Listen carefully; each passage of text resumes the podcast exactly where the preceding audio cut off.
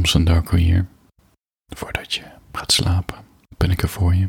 Om wat liefs in je oor te fluisteren, zodat je lekker kan wegtommelen. Doe je ogen dicht. Ontspan. Ga op je zij liggen of op je rug. En als je dit in de auto luistert, hou je ogen open. En als je nu een paniekaanval hebt, die gaan altijd voorbij, sneller dan je denkt.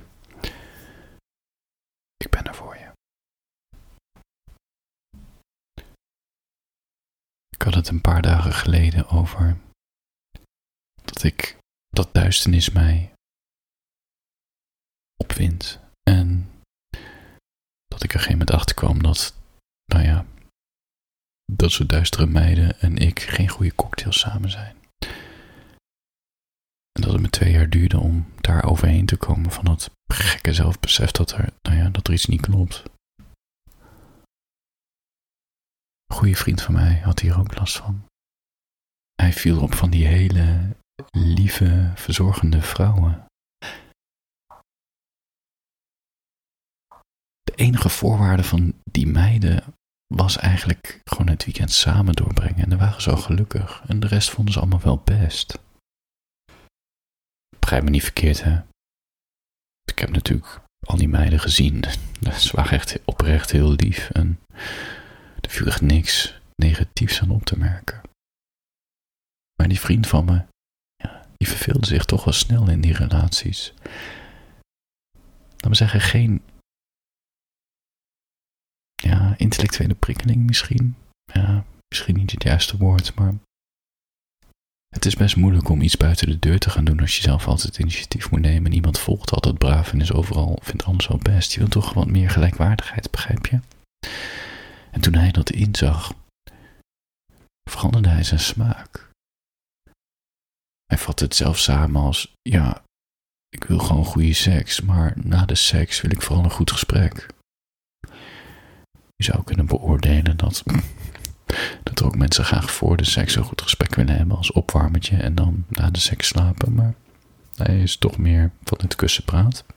Na de seks dus. Interessant, wat je zo leert over je vrienden.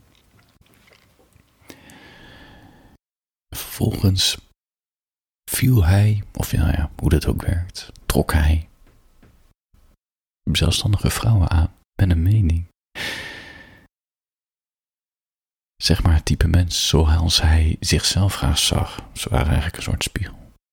Eentje die diep nadenkt en een mening heeft en zelfstandig is en een privéleven en avontuurlijk. En kan je vertellen, dat levert weer hele andere uitdagingen op in een relatie.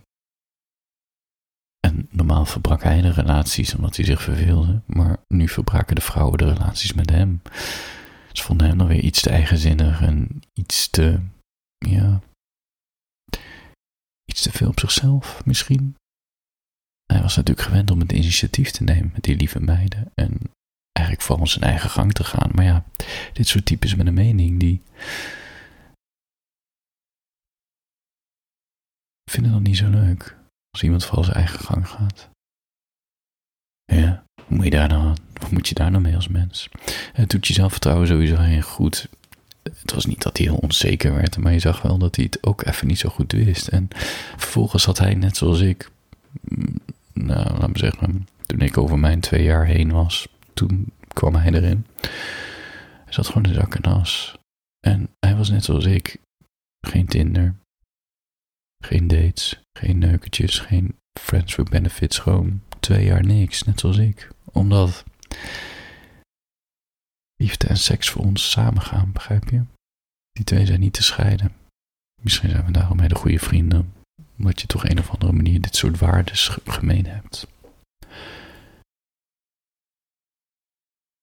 Het is gewoon gek dat het twee jaar duurt. En achteraf, wat is twee jaar nou? Het kost gewoon tijd om jezelf te resetten en dan, nou ja, ook weer een soort modus te vinden.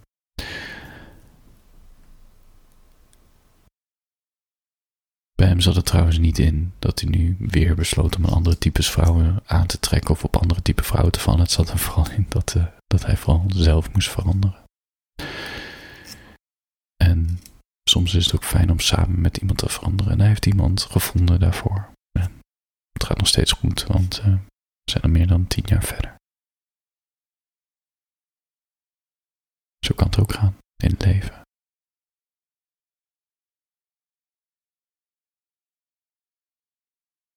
Voor je in slaap valt, wil ik nog even een kort verhaaltje voorlezen. Deze heb ik ergens uh, eind vorig jaar geschreven. Ergens, nou, dat is niet helemaal waar, ergens in de herfst. Nou, eind vorig jaar. Het heet, ze hebben alles al, maar weten niet wat geluk is. Word wie je bent, zeggen ze hier. Ga naar een coach, volg die inspirerende influencer op Instagram of volg de cursus in contact komen met je chakra's op Ibiza. Maar iedereen op dit feestje is vooral bezig met worden wat je bezit. Gepraat over horloges, nieuwe wagens en interieurdesigners, over bitcoins, investeren in start-ups en bonussen veiligstellen op werk. De sociale regels hier zijn me onbekend en lijken tegenstrijdig. Wat zie ik over het hoofd? Ze doen allemaal zo zelfverzekerd en kil, afstandelijk en oppervlakkig. Ze praten honderd uit over hun gevoelens met woorden als trots, overweldigend en drama dus. Maar niets lijkt ze echt te raken. Het lijkt wel alsof hun onkwetsbaarheid hun schild is. De oppervlakkige houding is het zwaard om de wereld te bestrijden. Ze hebben het over verdrinkende vluchtelingen en de stijgende zeespiegel als een ongepaste melodramatische scène uit een actiefilm. Maar bijna niemand houdt de ogen droog als het gaat over de plotseling overleden kat van Marie-Louise, vermorzeld door de tuinman in een grasmaaier. Zo'n dood gun je niemand en ik denk dat hij op een onbewust niveau een dierenhater is, zeiden ze tegen elkaar. Deze mensen willen niet worden wie ze zijn. Ze willen vooral niet mislukken in de ogen van de ander. De enige gaatmeter voor deze lat is bevestiging zoeken. Bevestigd worden dat er naar hun lichamen wordt verlangd, hun aankopen worden bewonderd, hun zakelijke beslissingen slim en gedurfd zijn. En als het tegenslag dreigt, je dit altijd kan verwerken door een tripje naar de Malediven te boeken, of gewoon een wijntje in te schenken of wat pep in je neus te douwen. Ze hebben alles, maar weten niet wat geluk is. Gevoelens verdoof je door met je creditcard te wapperen. Ze verheerlijken zichzelf omdat ze geen andere woorden kennen om zich te uiten. Ze praten over zelfhaat en depressie als tijdelijke verkoudheidjes van drie dagen. Het maakt het immuunsysteem sterker en het hoort erbij, zeggen ze tegen elkaar. Ze lachen hun eigen wereld uit met die gekke etiketten en vreemde snuiters, maar zouden deze bubbel nooit zelf durven te verlaten? Want dan zijn ze betekenisloos. Dan stellen ze niets meer voor, dan hebben ze geen identiteit meer. En wie ben je als je geen identiteit meer hebt? Als niemand meer naar je kijkt, niemand je ziet, niemand je bewondert of naar je verlangt. Dan ben je net zo gewoon en middelmatig als de rest van de wereldbevolking. Een middelmatig, onbestemd, betekenisloos mens. Maar ze zien over het hoofd dat ze dat in zekere zin al zelf zijn betekenisloos.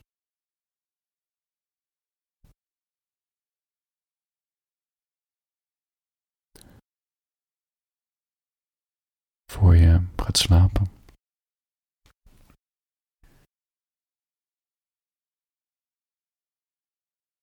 Vaak mensen die een boek of een gedicht willen schrijven.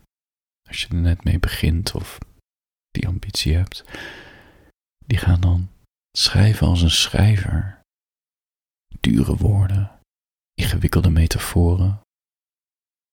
Omdat het soort van diepgang suggereert en slimheid. Ik had het van de week over dat, dat ik de wereld vrij oppervlakkig geworden vind. In ieder geval superheldenfilms, McDonald's. Dat is als je de meerderheid van de mens als klant hebt, dan kom je uit bij oppervlakkigheid.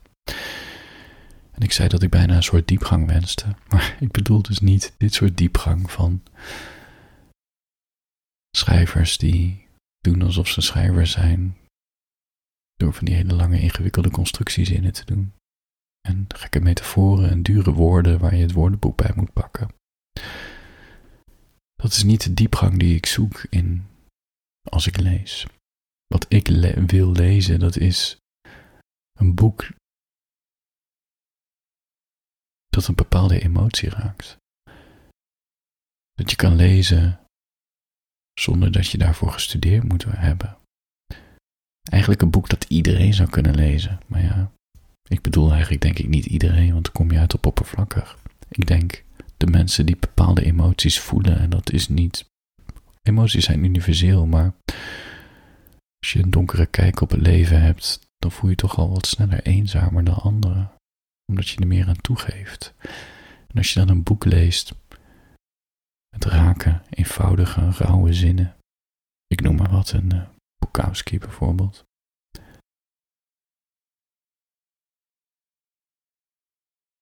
Dan voel je veel meer één en begrepen, en dat is ook diepgang. Dus juist in het oppervlakkige, misschien een fout woord, het simpele taalgebruik, dat er meer aandacht komt te staan om te zitten, dat je niet hoeft na te denken over de woorden en de ingewikkelde zinnen en dat kost alleen maar energie, maar dat je echt kan focussen op de boodschappen, dat je dan iets in jezelf voelt wat je herkent in die woorden en, en dat is voor mij diepgaande kunst en diepgaande literatuur. Ik lees heel graag. En vooral taal die makkelijk wegleest omdat ik me dan meer kan focussen op die onderliggende laag, zodat ik me even wat minder alleen kan voelen. Als jij zelf kunstzinnige ambities hebt, laat het maar op schrijven houden. Schrijf zo eenvoudig mogelijk. Als er meerdere betekenissen zijn van een woord, zoek het woord op met de minste letters. Dat zijn vaak de woorden die het meest gebruikt worden en daarom hebben ze niet zoveel letters. Ga voor eenvoud. Zorg dat je begrepen wordt, zodat er meer aandacht komt te staan op wat je echt te vertellen hebt. Brengt je veel verder. Helemaal als je het online deelt. Het is moeilijk om op te vallen. En als je het heel ingewikkeld en diepgaand maakt, het wordt snel over het hoofd gezien. Maar als het aantrekkelijk is om te lezen en er eenvoudige woorden staan die iedereen begrijpt, reken maar dat het de juiste mensen bereikt die hetzelfde voelen als jij toen je het schreef. En dat is magie. Voor je gaat slapen.